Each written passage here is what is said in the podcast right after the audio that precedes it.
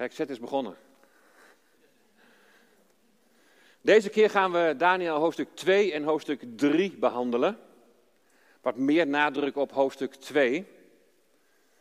Kijk, als je naar de predikingen hebt geluisterd, dan zeg ik soms heel makkelijk van nou, dat het gouden hoofd, dat is het Babylonische Rijk, dat is Daniel. Het volgende is dat, het volgende is dat. Maar in de prediking geef ik eigenlijk geen enkele onderbouwing. Dan moet je het maar even aannemen. Maar de verdiepingsavonden zoals deze is juist de bedoeling om met elkaar te gaan kijken, wat klopt dat eigenlijk wel? En waar zien we dit dan ook in het woord bevestigd? Nou, hoofdstuk 2 gaat dus over het zogenaamde statenbeeld, zoals we het ook wel noemen. Koning Nebukadnezar is nog steeds aan de macht en krijgt in zijn tweede regeringsjaar een droom, zoals je ziet in vers 1. In het tweede regeringsjaar van Nebukadnezar had Nebukadnezar dromen. En daardoor werd zijn geest verontrust en was het met zijn slaap gedaan. Nou, hier zie je weer het overzicht van de vorige keer. En dan zie je waar je Daniel 2 moet plaatsen in de tijd.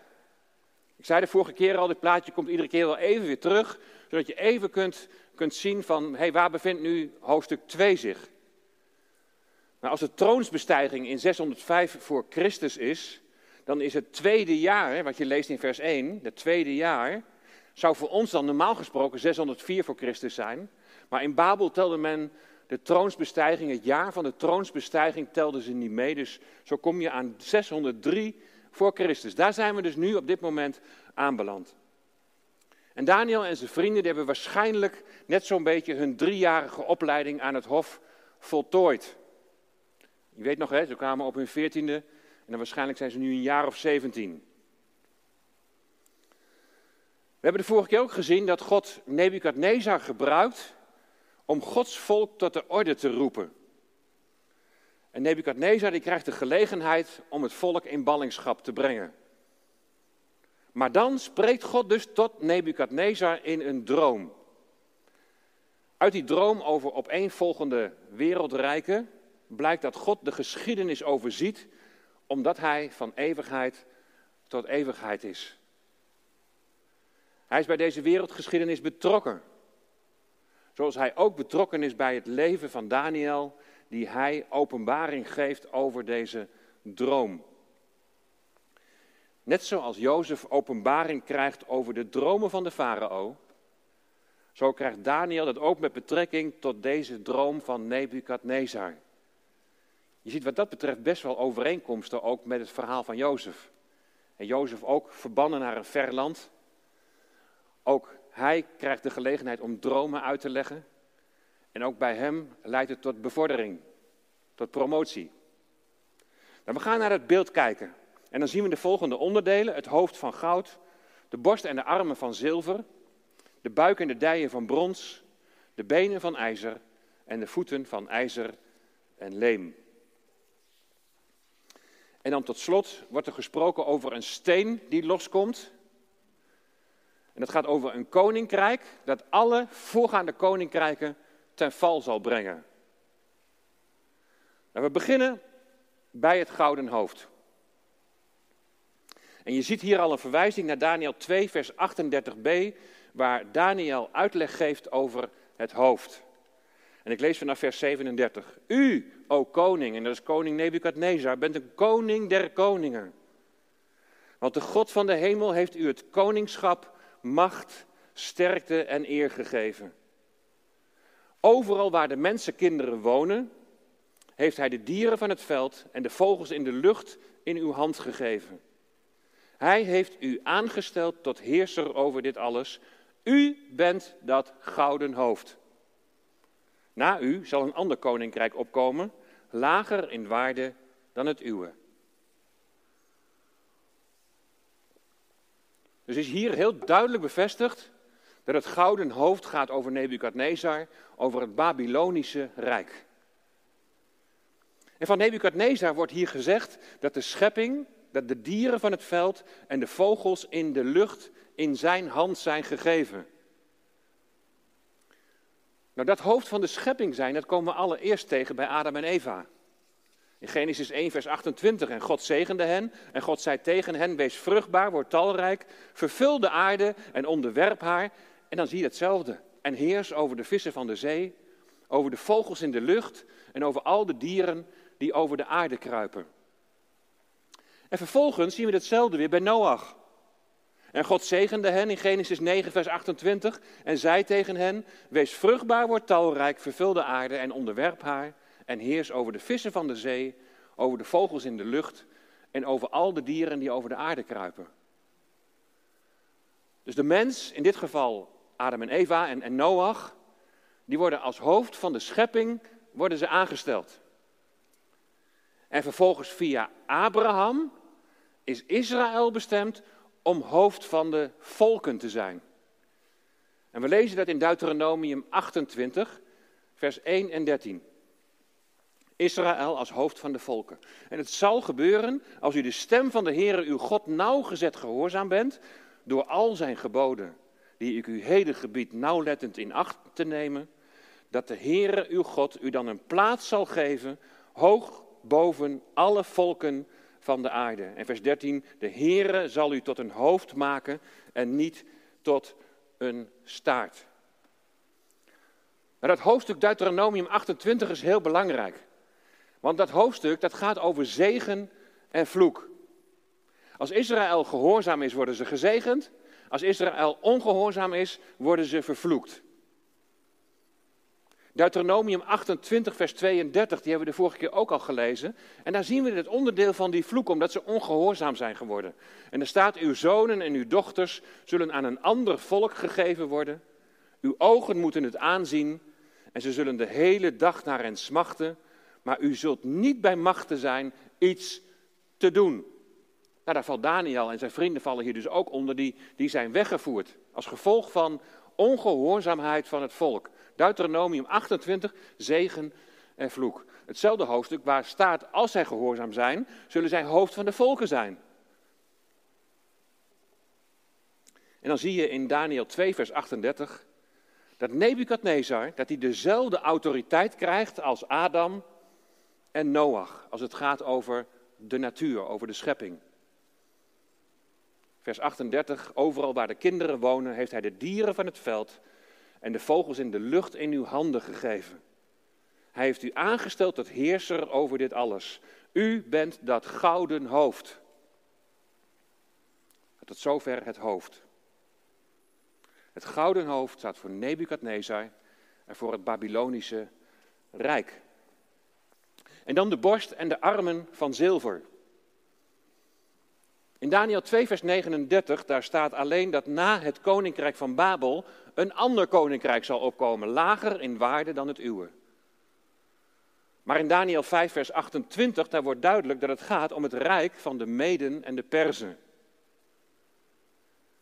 Er staat in vers 28, uw koninkrijk is verdeeld en het is aan de Meden en de Perzen gegeven.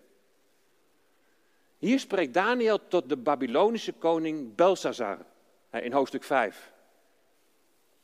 Uw koninkrijk is dus Babel, het koninkrijk dat verdeeld is en dat wordt aan de Meden en de Perzen gegeven. Dat geeft wellicht ook de verklaring van die twee armen, het Medische deel en het Perzische deel. Het waren twee volken. En dan is het opmerkelijk, even terug naar Nebukadnezar, dat er van hem gezegd wordt dat hij de koning der koningen is. In Daniel 2, vers 37, u, o koning, bent een koning der koningen, want de God van de hemel heeft u het koningschap, macht, sterkte en eer gegeven. Als je nou kijkt in het Bijbelboek Ezra, dan zie je dat hetzelfde wordt gezegd van de koningen van de Mede en de Perzen. In Ezra 7, vers 12, daar staat Artaxasta, een van die koningen, koning der koningen, aan de priester Ezra, de schriftgeleerde, bedreven in de wet van de God van de hemel, volkomen vrede en op dit tijdstip. En ook in Ezra 1, vers 2 zie je net als bij Nebukadnezar grote macht door God verleend aan de Perzische koning Kores. Die ook als Cyrus wordt genoemd. Er staat, zo zegt Kores, de koning van Perzië, alle koninkrijken van de aarde heeft de Heere, de God van de hemel, aan mij gegeven. Nog iets bijzonders met die Kores, dat gaan we later nog wel zien. Die geeft toestemming om weer terug te keren naar het land.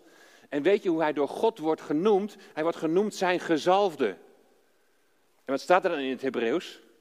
Zijn Messias. Dat is bijzonder. Er zijn dus sterke overeenkomsten tussen het Babylonische Rijk en het Rijk van de Mede en de Persen, maar wel minder in waarde, dat laatste rijk.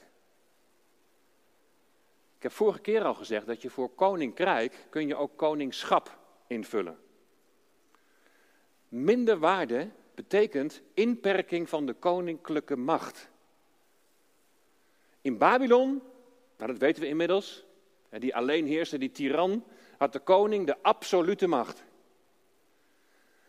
Maar bij de, bij de Meden en de Perzen, daar staat de wet boven de koning. Je kent wel de uitdrukking toch? De wet van Meden en Perzen. Dus zo was het koningschap was van minder waarde. En dan gaan we naar het volgende, naar de buik en de dijen van brons. Om welk rijk het gaat, lezen we in vers 39. Na u zal een ander koninkrijk opkomen, lager in waarde dan het uwe. Dat zijn dan de Mede en de Perzen. En daarna nog een ander koninkrijk, het derde koninkrijk van brons, dat heersen zal over de aarde. Over de hele aarde. Hier lees je dus alleen dat dit derde rijk het rijk van de Meden en de Perzen opvolgt.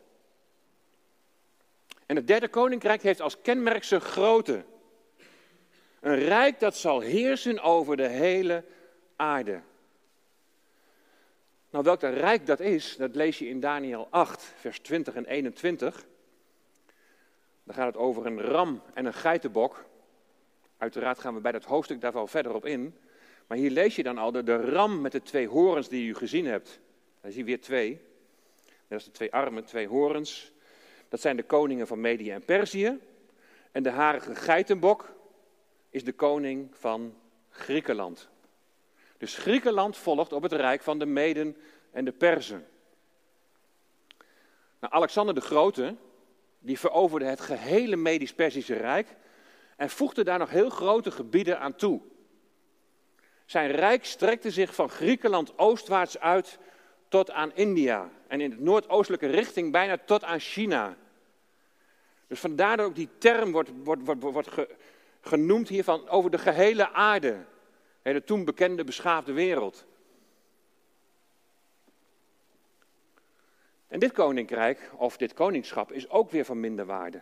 We gaan immers van zilver naar brons. En Alexander de Grote was een machtig leider, maar hij was wel afhankelijk van het congres van verschillende staten waar het Griekse Rijk uit bestond. En die mindere macht, die wordt ook treffend geïllustreerd in het volgende voorval. Toen Alexander de Grote, nadat hij op het toppunt van zijn roem was gekomen, van zijn soldaten en zijn officieren verlangde dat hij goddelijke eer zou ontvangen en aanbeden zou worden, toen weigerden ze dat. Nou, bij voorgaande rijken zou dat ondenkbaar zijn geweest. Maar bij Alexander de Grote dus wel. Dus weer een rijk, of in ieder geval een koningschap van minder waarde, van minder macht.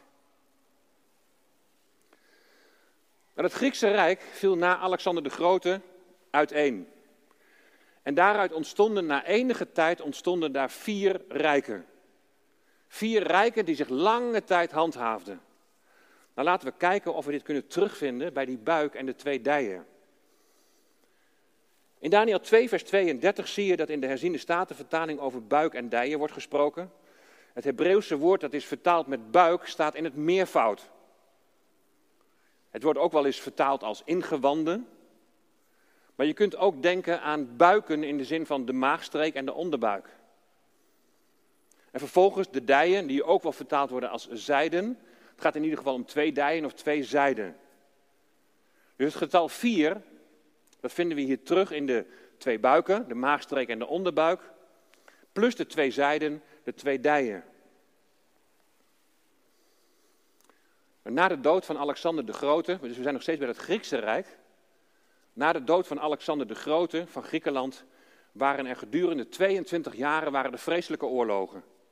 Totdat in 301 voor Christus door de laatste slag bij Ipsus de verdeling in vier Griekse rijken werd vastgesteld.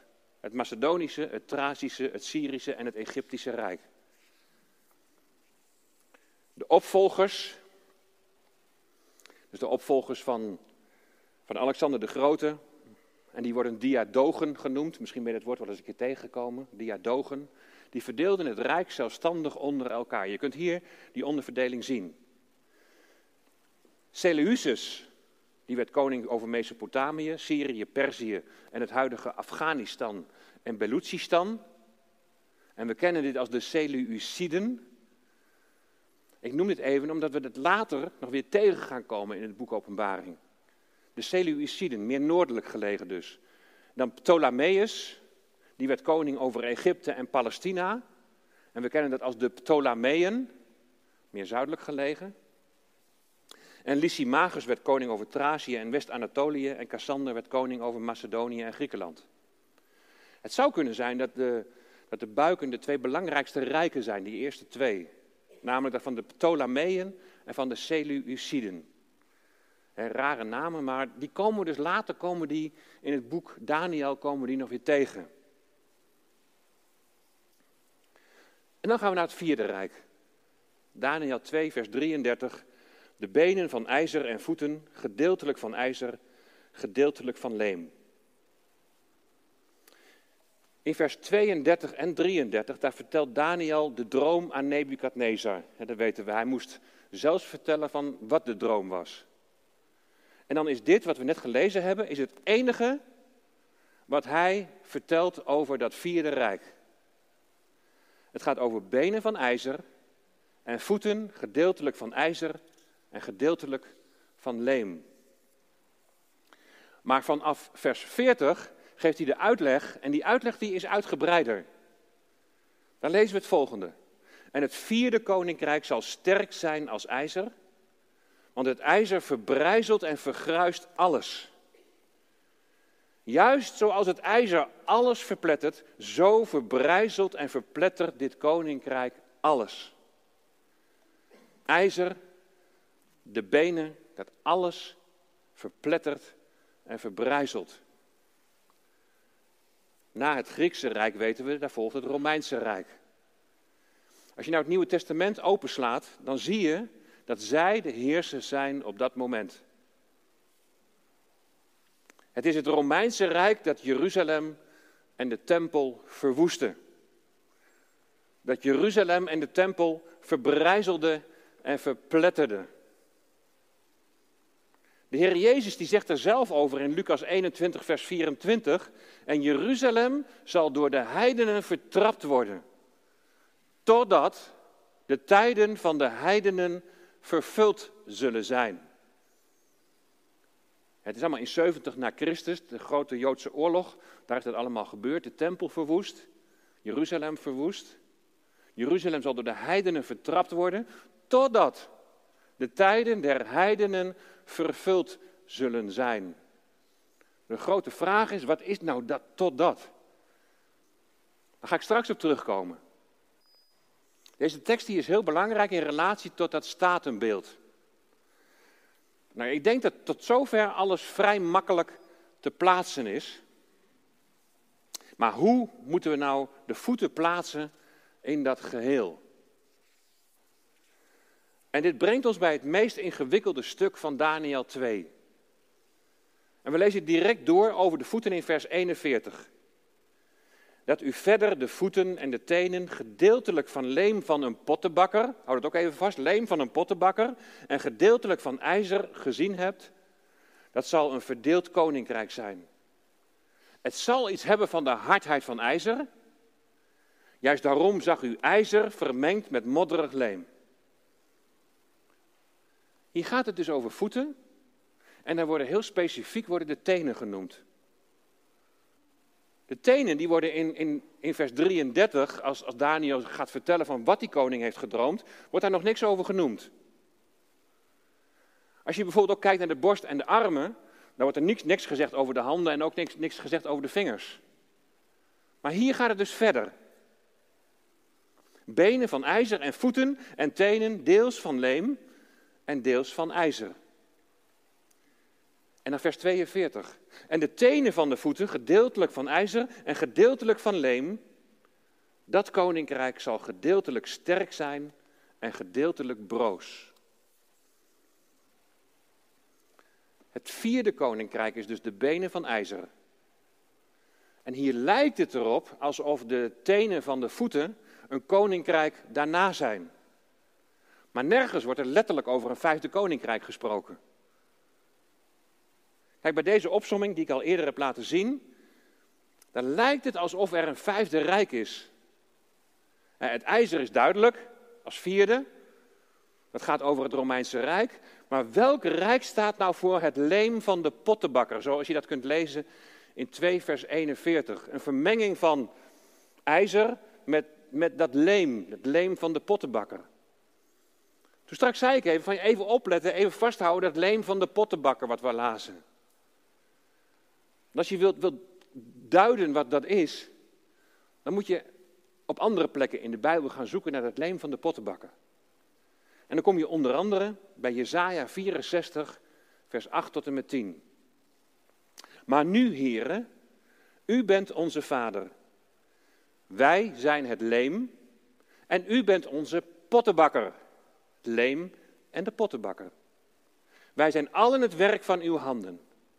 Heren, wees niet al te vertorend en denk niet voor eeuwig aan de ongerechtigheid. Zie, aanschouw toch, wij allen zijn uw volk. Uw heilige steden zijn een woestijn geworden. Sion is een woestijn geworden. Jeruzalem een woestenij. Nou, het is toch heel duidelijk, overduidelijk, dat het in dit Bijbelgedeelte gaat over Israël. Wij zijn het leem, heeft betrekking op hen.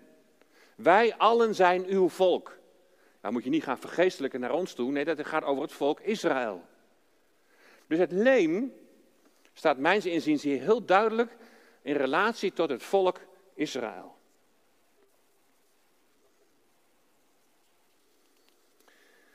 Je kunt dat ook nog lezen trouwens in Jesaja 45, vers 9 tot en met 11. De voeten, de tien tenen, het heeft dus iets te maken met ijzer, het Romeinse Rijk. En het heeft iets te maken met Israël.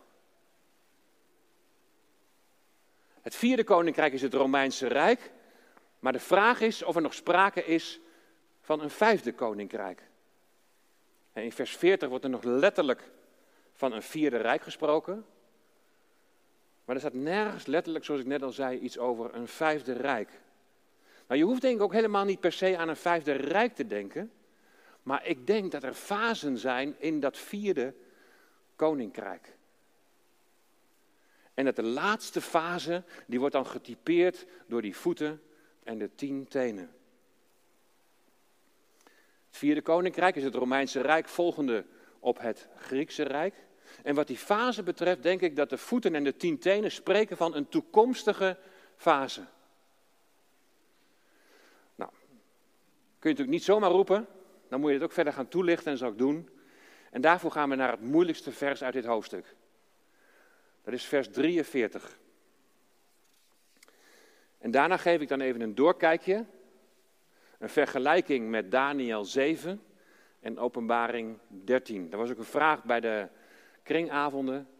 Heb je Bijbelgedeelten, weet je Bijbelgedeelten die ook op ditzelfde betrekking hebben? Maar eerst even het allermoeilijkste Bijbelvers. Daniel 2, vers 43. Dat u gezien hebt, ijzer vermengd met modderig leem. Ze zullen zich door menselijke zaad vermengen, maar ze zullen zich niet aan elkaar hechten, zoals ijzer zich niet vermengt met leem. Lastig vers. Ze zullen zich door menselijk zaad vermengen. Weet je, vertaling is sowieso ontzettend moeilijk. En hier zie je links zie je de herziene statenvertaling en rechts daar zie je een alternatieve vertaling. Er staat hetgeen u zag, dus het ijzer vermengd met leem, wat een mengsel is. Dus het woord vermengen of mengsel wordt hier naar voren getrokken. Het wordt dus niet veranderd, maar het wordt op een andere plek neergezet. En dat klinkt ook heel aannemelijk, gewoon het ijzer en het leem zijn een mengsel. Die zijn een vermenging. En het woord vermengen of mengsel trekken we dus naar voren. En dan staat er, zij zullen uit de afstammelingen van het volk zijn. Afstammelingen en zaad, dat kun je natuurlijk wel met elkaar vergelijken.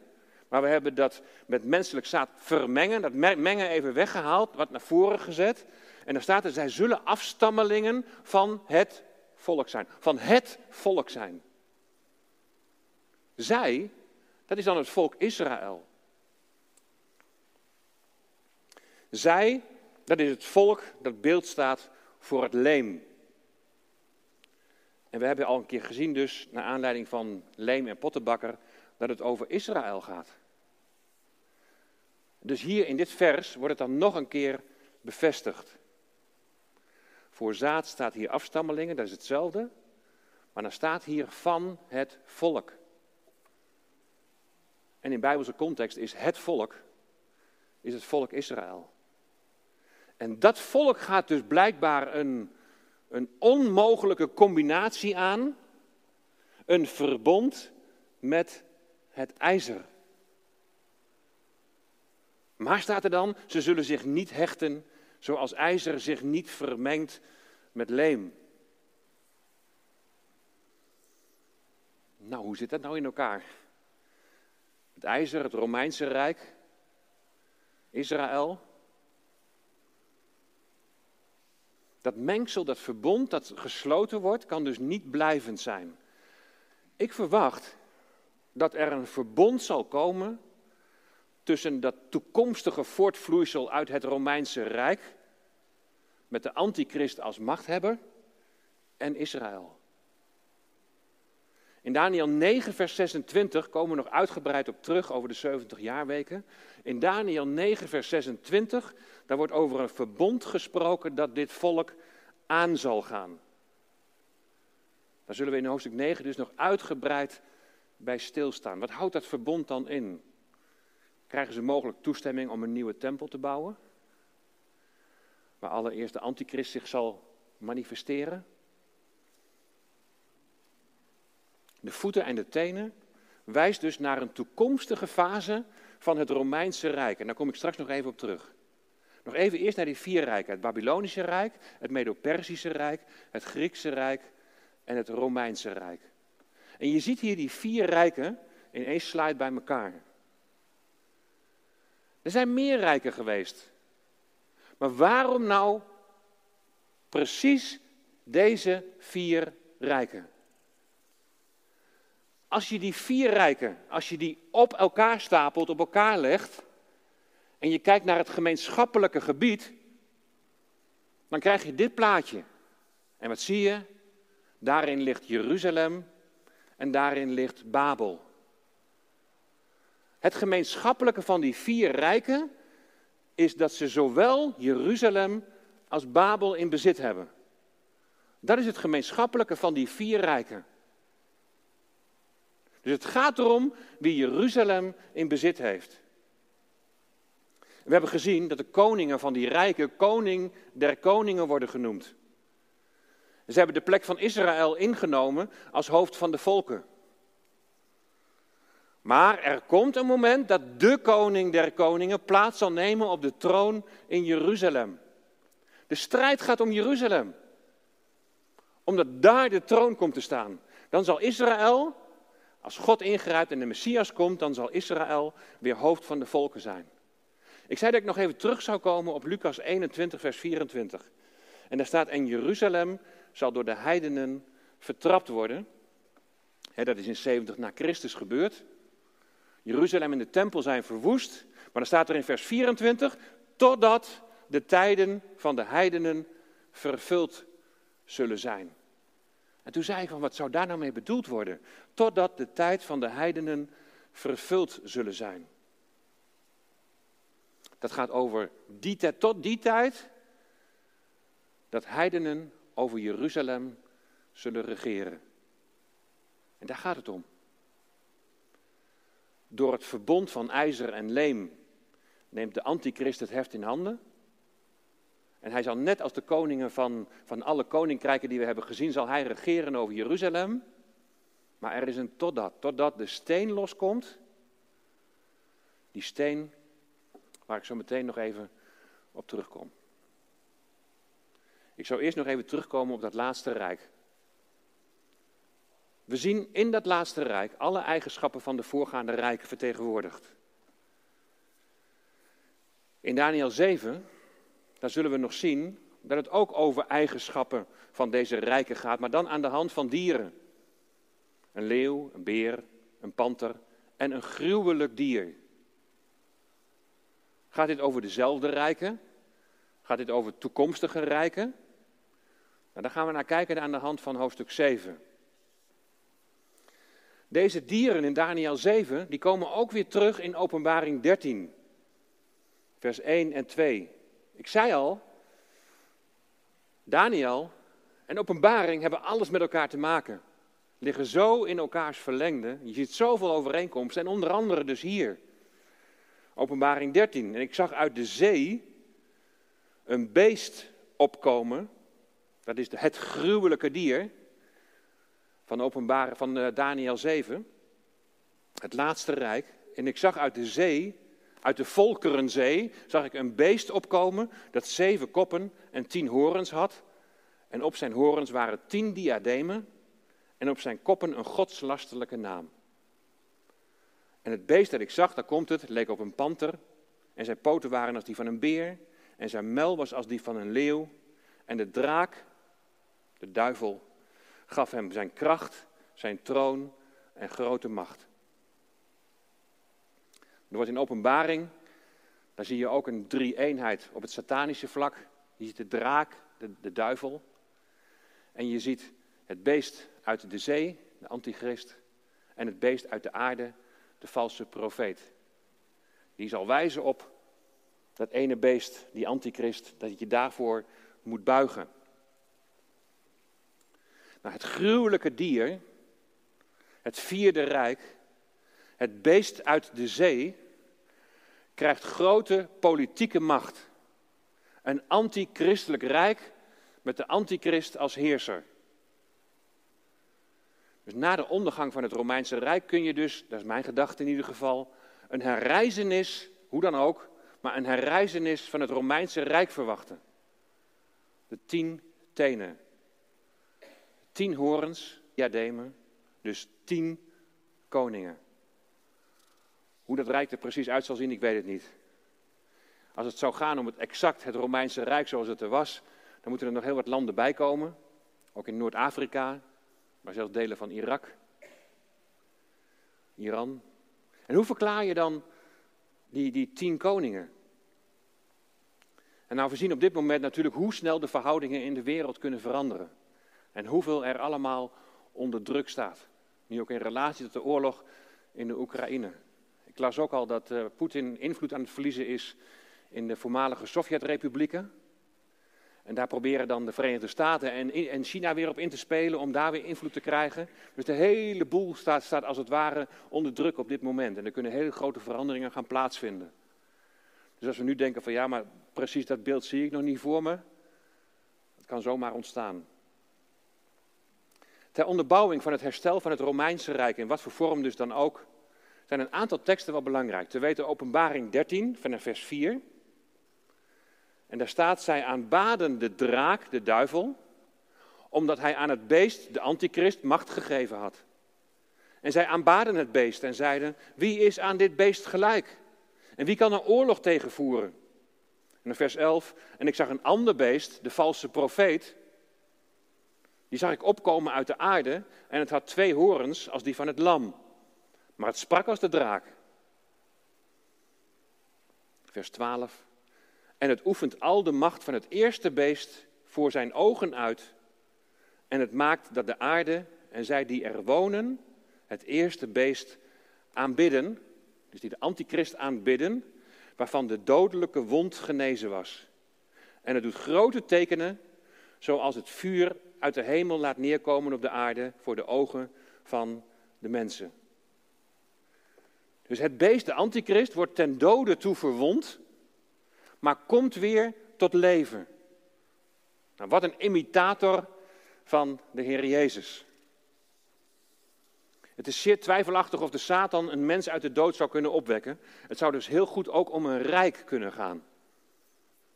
En dat later de antichrist dan de verpersoonlijking van dat rijk is. Dat antichristelijke rijk dat nog gaat komen. Dat rijk dat sterft en dat weer tot leven zal worden gewekt. Het Romeinse Rijk ging dood in de vijfde eeuw. Maar het Romeinse ideaal bleef voortleven. In het Rijk van de Karolingers, de Ottonen, de Habsburgers. En wat dacht je van het Derde Rijk? Steeds ging het om schimmen van het oude Rijk die opgeroepen werden door oorlog en geweld. Maar nooit is het Romeinse Rijk echt herrezen.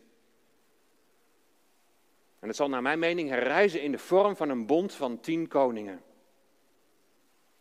In Daniel 7 en Openbaring 13 wordt gesproken over tien horens, die tien koningen zijn. En in Daniel 2 hebben we gelezen over tien vingers. Uh, tien tenen, sorry. En ze zullen alle macht in de handen van de alleenheerser van de antichrist leggen. En deze alleenheerser die ontvangt zijn macht uit de handen van tien koningen.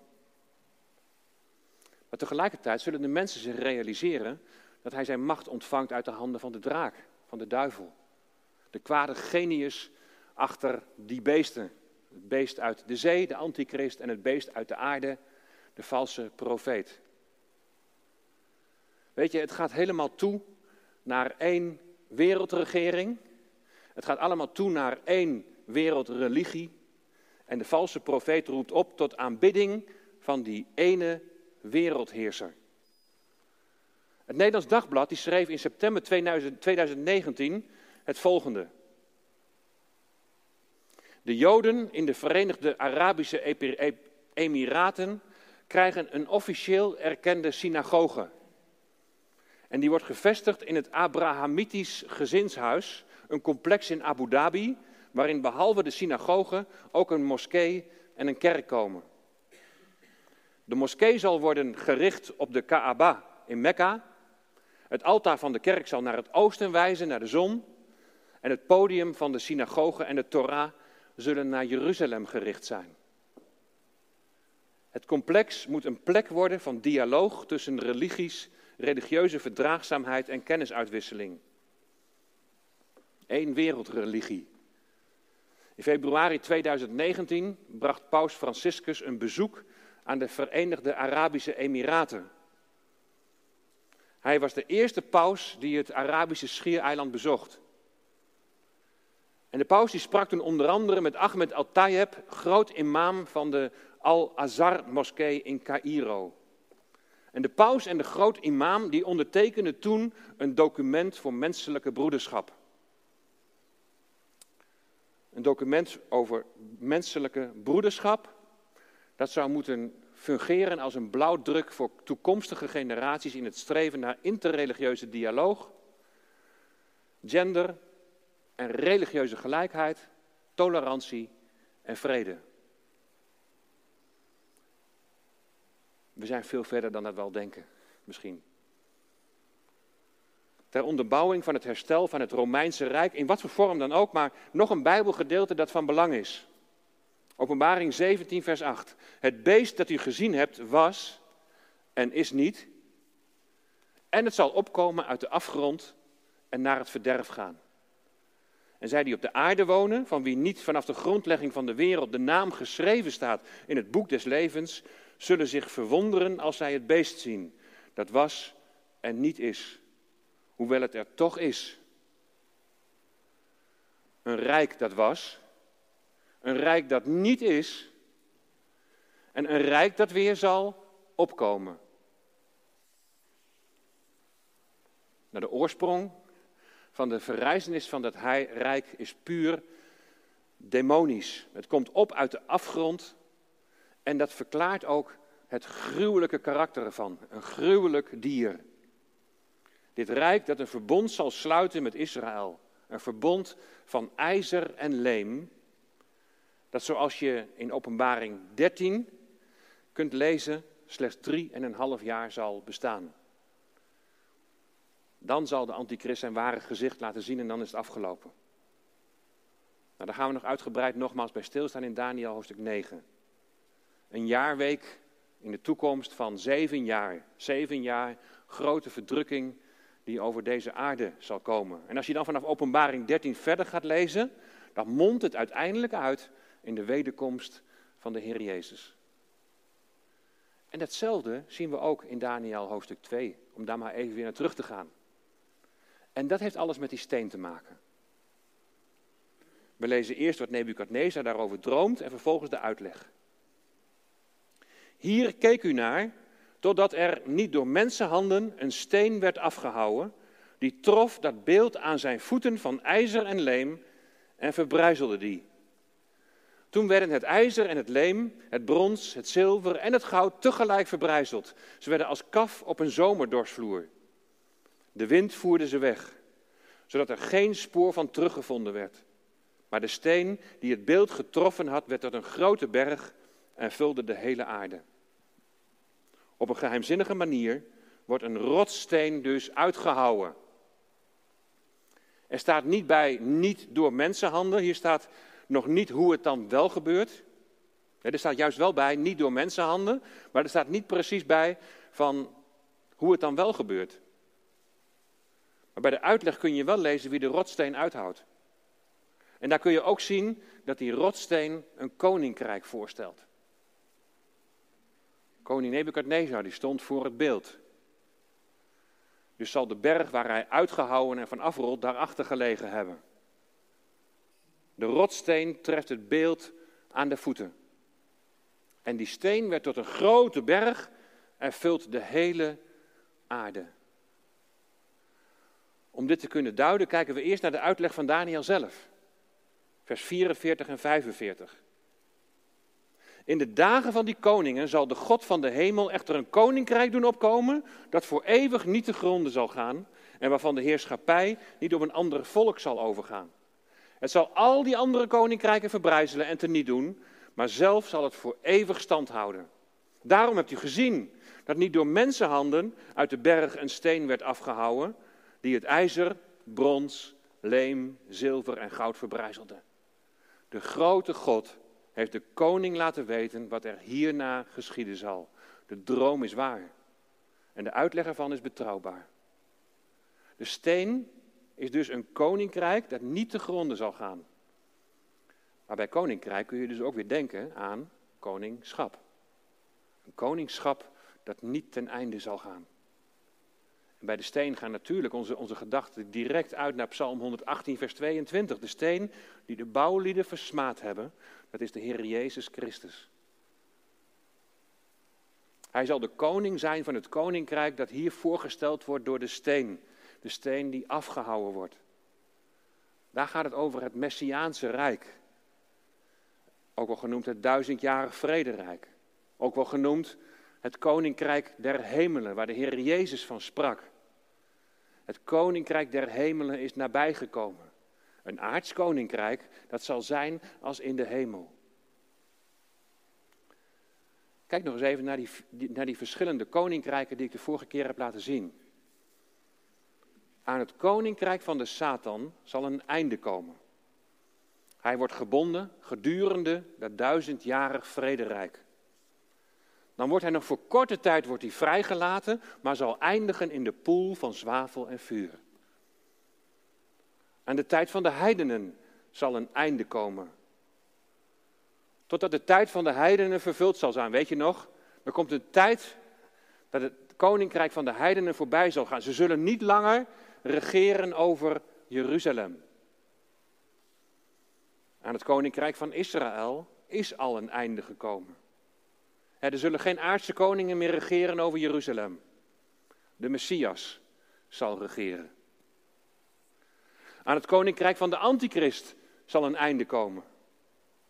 En als Jezus dan terugkomt, dan zal het koninkrijk der hemelen aanbreken. Het Messiaanse rijk, het duizendjarig vrederijk, een fysiek aards koninkrijk. De Heer Jezus, de Messias, die zal regeren vanuit Jeruzalem. En Israël zal weer priestervolk zijn. En de hele aarde zal met de kennis van de Heer bedekt worden. Hij zal het zijn die een eind maakt aan de verderfelijke heerschappij van de mens Vandaar ook in openbaring het oordeel over Babel. Het Babel dat staat voor de mens, voor het ik. Bij zijn eerste komst kondigde Jezus aan, het koninkrijk der hemelen is nabijgekomen. Een koninkrijk op aarde zal dan zijn als in de hemel. Maar de koning werd verworpen. Het koninkrijk is uitgesteld, maar zal nog komen. Weet je, dat hele begrip koninkrijk, daar, daar wordt zo verschillend over gedacht. Wat bedoel je eigenlijk als je zegt dat je nu dienstbaar bent in het koninkrijk van God? Vaak wordt dan gedacht dat wij als gelovigen hier dat koninkrijk moeten vormen en hier dat koninkrijk moeten uitbreiden. Dat wij de weg moeten banen opdat Jezus over deze aarde straks zal gaan regeren. En dat zouden we dan moeten doen door evangelieverkondiging, gevolgd door wonderen en tekenen. En dan maak je als het ware een kopie hè, zeg maar, van de boodschap van de Heer Jezus toen hij hier op aarde was. Maar Jezus doelde op een fysiek aards koninkrijk dat zou komen. Wat bedoel je nou als je zegt dat je dienstbaar bent in het koninkrijk van God? Want het is niet verkeerd. De vorige keer heb ik uitgelegd dat het koninkrijk van God iets geestelijks is. En het koninkrijk van God is overal. En alleen jij krijgt toegang tot het koninkrijk van God door de wedergeboorte. En wij zijn met Christus zijn we verborgen in God. Het koninkrijk der hemelen dat Jezus verkondigde, is dus een aards fysiek koninkrijk dat zal komen. En dat zal werkelijkheid worden bij de wederkomst van de Heer Jezus. Dat is niet een koninkrijk dat wij kunnen vestigen. Dat komt op een hele andere manier tot stand, hebben we net ook gezien. Komt niet door mensenhanden tot stand, maar komt tot stand door die steen die losgemaakt wordt. Het is God zelf die dat, die dat bewerkt door de wederkomst van de steen des aanstoots, de wederkomst van de Heer Jezus. En ik heb ook al eerder gezegd, als je het koninkrijk God, van God en het koninkrijk der hemelen, als je dat niet uit elkaar haalt en niet onderscheidt, dan kom je met, in gigantische problemen als je de evangelie gaat lezen. Dan kom je helemaal in verwarring. Het is heel belangrijk om dat onderscheid te maken. Uit welke berg zal de steen gehouden worden? Ik denk dat daarmee de olijfberg wordt bedoeld. De vervulling van Zacharia 14, vers 4, waar staat: En zijn voeten zullen te dien dagen staan op de olijfberg. Dat is de plek waar de Heer Jezus Christus, de Messias, zal aankomen om deze wereld te onderwerpen. En bij zijn wederkomst het Messiaanse Rijk, het duizendjarige vrederijk, het koninkrijk der hemelen hier op aarde te stichten. En misschien vliegen je de, de ontwikkelingen in deze wereld wel eens aan. Mijn ongelovige moeder, die zei afgelopen week nog tegen mijn ongelovige nichtje, dat is dus de dochter van mijn ongelovige zus. Ja, triest hè? Maar mijn ongelovige moeder zei tegen haar, tegen haar kleindochter dus, het komt niet meer goed met deze wereld. Het komt niet meer goed. En het nichtje zei van, ah, oma, niet zo negatief. er zijn altijd wel moeilijke periodes geweest en het is altijd nog goed gekomen. Misschien vliegt het je ook wel eens aan als je ziet van, van wat er allemaal op dit moment in deze wereld gaande is. Dan zou ik zeggen, sluit je aan bij het kernvers van Daniel 2. Wat je als kernvers van het hele Bijbelboek zou kunnen zien. Sluit je aan bij de aanbidding van Daniel. Het gaat om Daniel 2, vers 21 en, en ik begin bij vers 20. De naam van God zij geloofd, van eeuwigheid tot in eeuwigheid, want van Hem is de wijsheid en de kracht. Hij verandert de tijdstippen, de tijden en de tijdstippen. Hij zet koningen af en stelt koningen aan. Hij geeft de wijsheid aan wijzen, de kennis aan wie verstand hebben.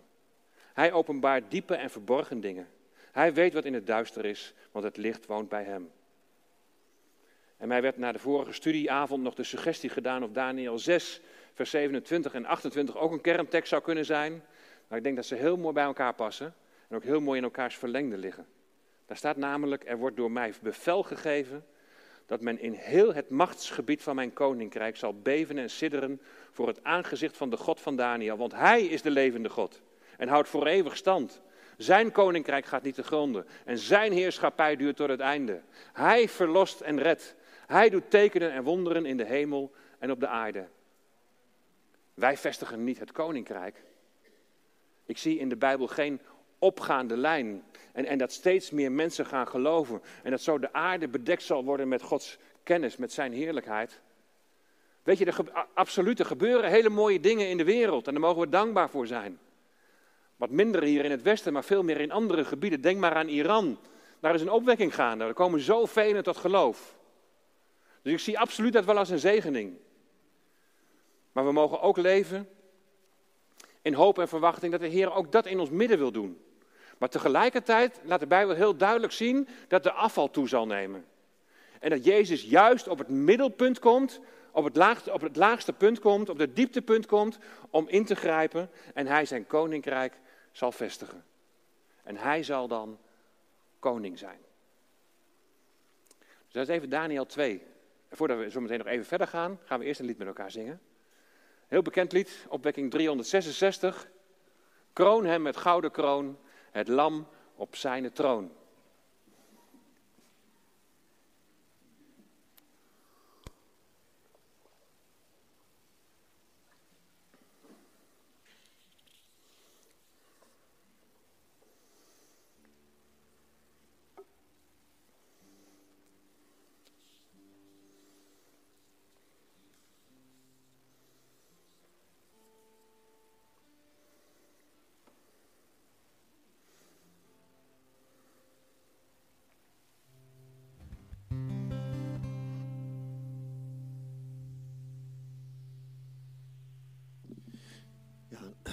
Ons eh, richten op God en Hem loven en prijzen met kroont Hem met gouden kroon en kroont Hem der liefde Heer en kroont Hem de vredevorst.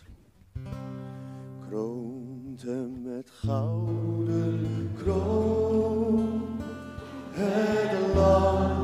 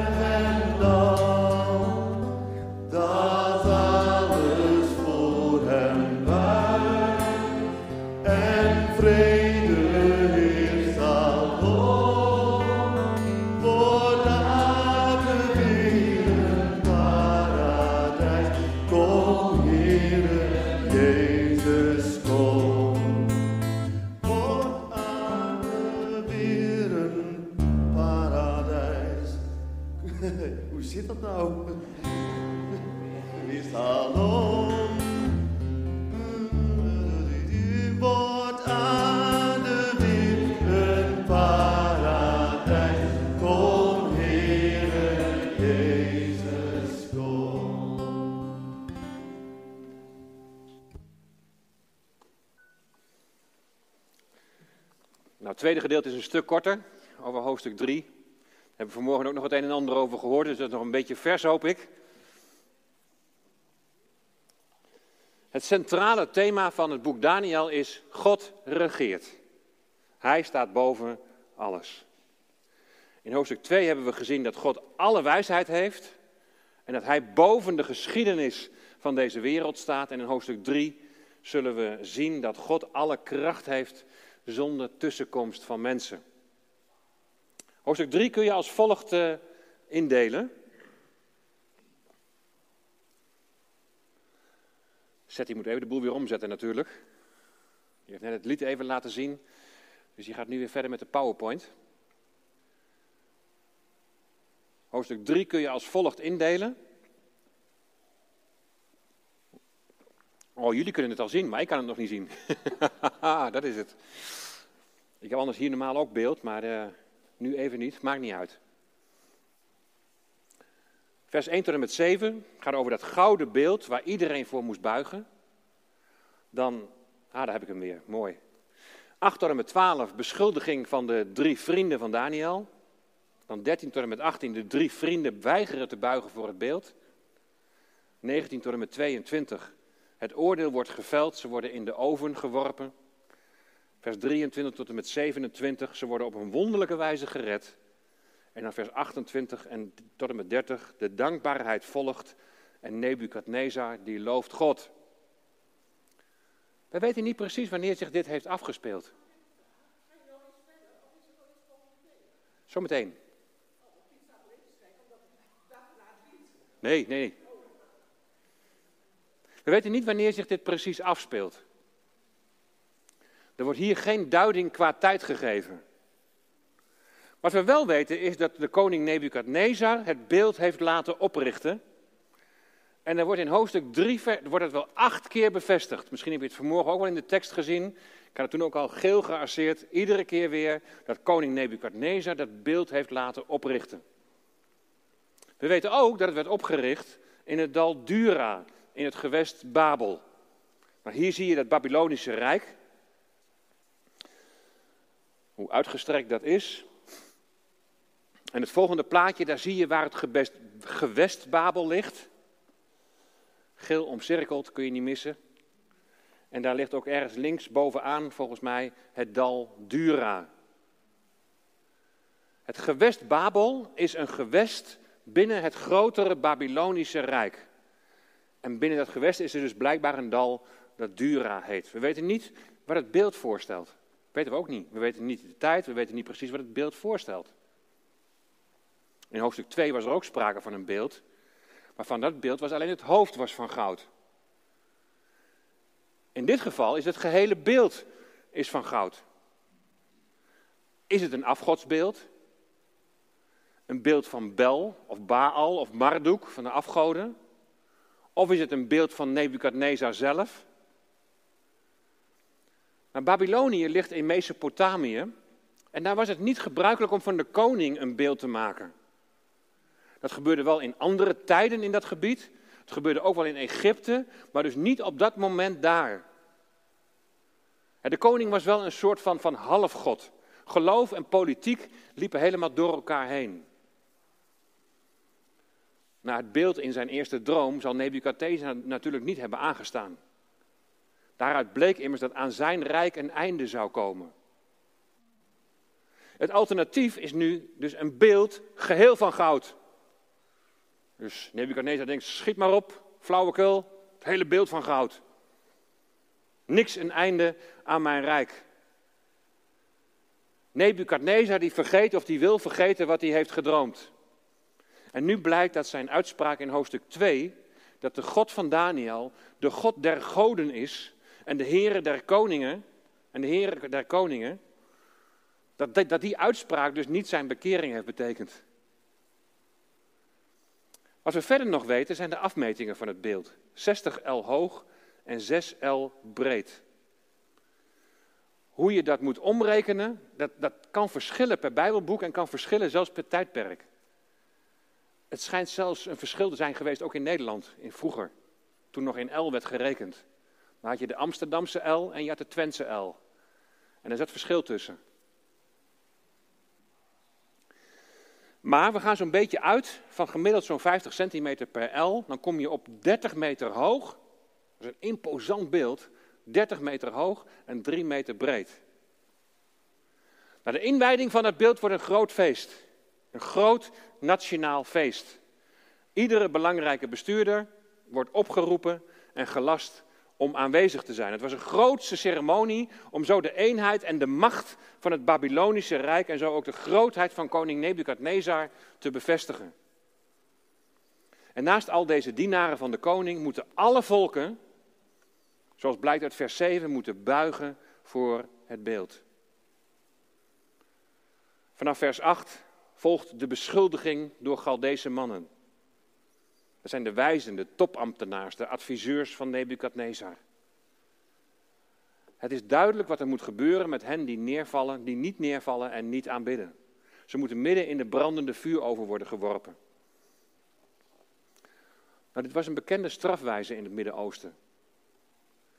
Jezus verbindt dit woord, brandende oven, verbindt hij zelf aan de hel. Ik heb het vanmorgen ook even genoemd, maar dus niet maar zo, maar omdat Jezus die twee woorden ook met elkaar verbindt. Lees maar mee in Matthäus 13, vers 41 tot 43. De zoon des mensen zal zijn engelen uitzenden. En ze zullen uit zijn koninkrijk verzamelen alle struikelblokken en hen die wetteloosheid doen. En ze zullen hen in de vurige oven werpen en daar zal gejammer zijn en tandengeknars. Dan zullen de rechtvaardigen stralen als de zon in het koninkrijk van hun vader. Wie oren heeft om te horen, laat hij horen. Vuur heeft te maken met oordeel. Voor hel gebruikt Jezus het woord Gehinnom. Dat dal van Hinnom betekent. Dat is een dal bij Jeruzalem. In dat dal van Jeruzalem werden vroeger de kinderoffers voor Baal gebracht. En later was dat een vuilverbrandingsplaats. Ik weet nog dat ik voor de eerste keer in Israël was. we waren nog maar net in Jeruzalem. We gingen een wandeling maken langs de oude stad zo. Toen zei onze gids, kijk nou, dat is het dal van Hinnom. Een prachtig aangelegd park. Ziet er heel vredig allemaal uit. Dan moet je even je, je gedachten laten gaan van wat is hier allemaal gebeurd. Verschrikkelijk. De drie mannen worden in de vurige oven geworpen omdat zij het beeld niet aanbidden. Gehinnom, de plaats waar het vuil en de wetteloosheid werd verbrand. Drie mannen in de vurige oven, omdat ze het beeld niet aanbidden. In de tien geboden, ook worden tien woorden genoemd, staat als eerste gebod in Exodus 20, vers 3: U zult geen andere goden voor mijn aangezicht hebben. Zoals ze zich niet willen verontreinigen met de spijzen van de koning, die in relatie staat tot wat aan de afgoden is geofferd, zo willen ze ook niet buigen voor dit afgodsbeeld. Ook al zou het niet direct om een afgod gaan, dan gaat het wel om de macht van Babel. En dat staat voor de macht van de mens. En daar willen ze niet voor buigen. Ze zijn gepromoveerd als provinciebestuurders. Ja, en zij horen natuurlijk als die provinciebestuurders wel het goede voorbeeld te geven. En dat is het spanningsveld als je in een heidense, goddeloze samenleving, als je daar God wil dienen. Dat heeft consequenties. En voor de drie vrienden zijn de consequenties extreem. Daniel 3, vers 21 en 22. Toen werden deze mannen gebonden in hun mantels, hun broeken, hun mutsen en hun andere kleren en ze wierpen hen midden in de brandende oven, omdat het woord van de koning zo dwingend was. En de oven uitzonderlijk heet gestookt was hebben de vlammen van het vuur deze mannen die Sadrach, Mesach en Abednego naar boven brachten, zelfs gedood. Ze hebben hun kleding nog aan, dat was heel ongewoon. Als je gestraft werd, dan werd je ontkleed. En dat zie je ook bij de, bij de kruisiging. Ze hadden nauwelijks nog iets aan. Alles wat herinnerde aan deze drie mannen, die niet wilden buigen, moest worden vernietigd, moest worden weggedaan. Niks mocht er van overblijven. Maar dan gebeurt het wonder Zoals we vanmorgen ook hebben gezien. Maar toen deze drie mannen, Zadrach, Mesach en Abednego, gebonden midden in de brandende vuur overgevallen waren, sloeg koning Nebukadnezar de schrik om het hart. Haastig stond hij op, nam het woord en zei tegen de raadslieden, hebben we niet drie mannen gebonden midden in het vuur geworpen? Ze antwoordden en zeiden tegen de koning, ja zeker, o koning. En hij antwoordde en zei, zie, ik zie vier mannen in het vuur vrij rondlopen. Zij hebben geen letsel en de aanblik van de vierde lijkt op die van een zoon van goden. Toen kwam Nebukadnezar in de nabijheid van de, van de deur van de brandende oven. Hij nam het woord en zei, Sadrach, Mesach en Abednego, dienaren van de Allerhoogste God, ga naar buiten en kom hier. Wie is die vierde man? De aanblik van die vierde man lijkt op die van de zoon van de goden. Als het elders in de Bijbel gaat over de zoon van de goden, dan gaat het over hemelse wezens. En dan gaat het hier om één man. Volgens Joodse bronnen de aartsengel Gabriel. Zoon der goden, zo werd normaal gesproken ook de koning genoemd. Komt toch het besef bij Nebukadnezar terug wat hij heeft gezegd? Dat de God van Daniel de God der goden is? Dat hij de koning der koningen is? Gaat het om een engel of gaat het hier om de engel des Heren? Die elders in de Bijbel verwijst naar de zoon, naar God de Vader, wat in de vroege kerk vrij algemeen was om het zo uit te leggen. De zoon die wij in het vlees kennen als Jezus de Messias. Als we het naar ons toe vertalen, dan is Jezus de Messias die ons bevrijdt van het eeuwige oordeel. Als je het vertaalt naar het Joodse volk, het boek Daniel is immers een door en een door Joods boek en het gaat over hun geschiedenis. Als je het vertaalt naar het Joodse volk, dan zal er voor hen nog een tijd van Jacobs benauwdheid zijn. Maar dan zal een rest van het volk zal gered worden door de Messias. De drie vrienden van Daniel wordt geen haar gekrenkt. Hun kleding ruikt niet naar vuur, noch naar rook. Weet je wie op God vertrouwt, is veilig. De vrienden gingen er niet bij voorbaat van uit dat ze dit lichamelijk zouden overleven. Hun geloof is niet gebaseerd op aardse voorspoed. Ze hebben hun levens in de hand van de levende God gegeven. Komt de koning tot geloof? Het lijkt erop dat hij stapje voor stapje dichterbij komt. Eerst aanbidt hij alleen afgoden en hun beelden.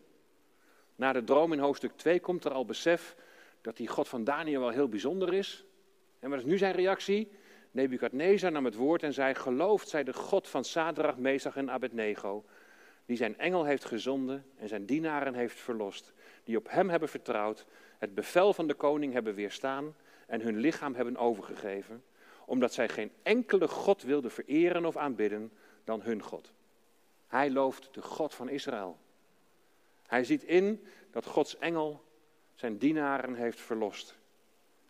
Wie de engel ook was, of het nou Gabriel was of de zoon. Ik zei vanmorgen al, het was in ieder geval een Emmanuel-moment. God is met ons. Een moment van God is met ons. Hij staat boven de geschiedenis van deze wereld. Hij is van eeuwigheid tot eeuwigheid. Hij zal zijn koninkrijk van vrede en gerechtigheid stichten. Hij zal ons redden van het komende oordeel. Je bent immers door geloof in de Zoon, geloof in Jezus de Messias vrijgekocht. Zonder hem geen redding uit het vuur.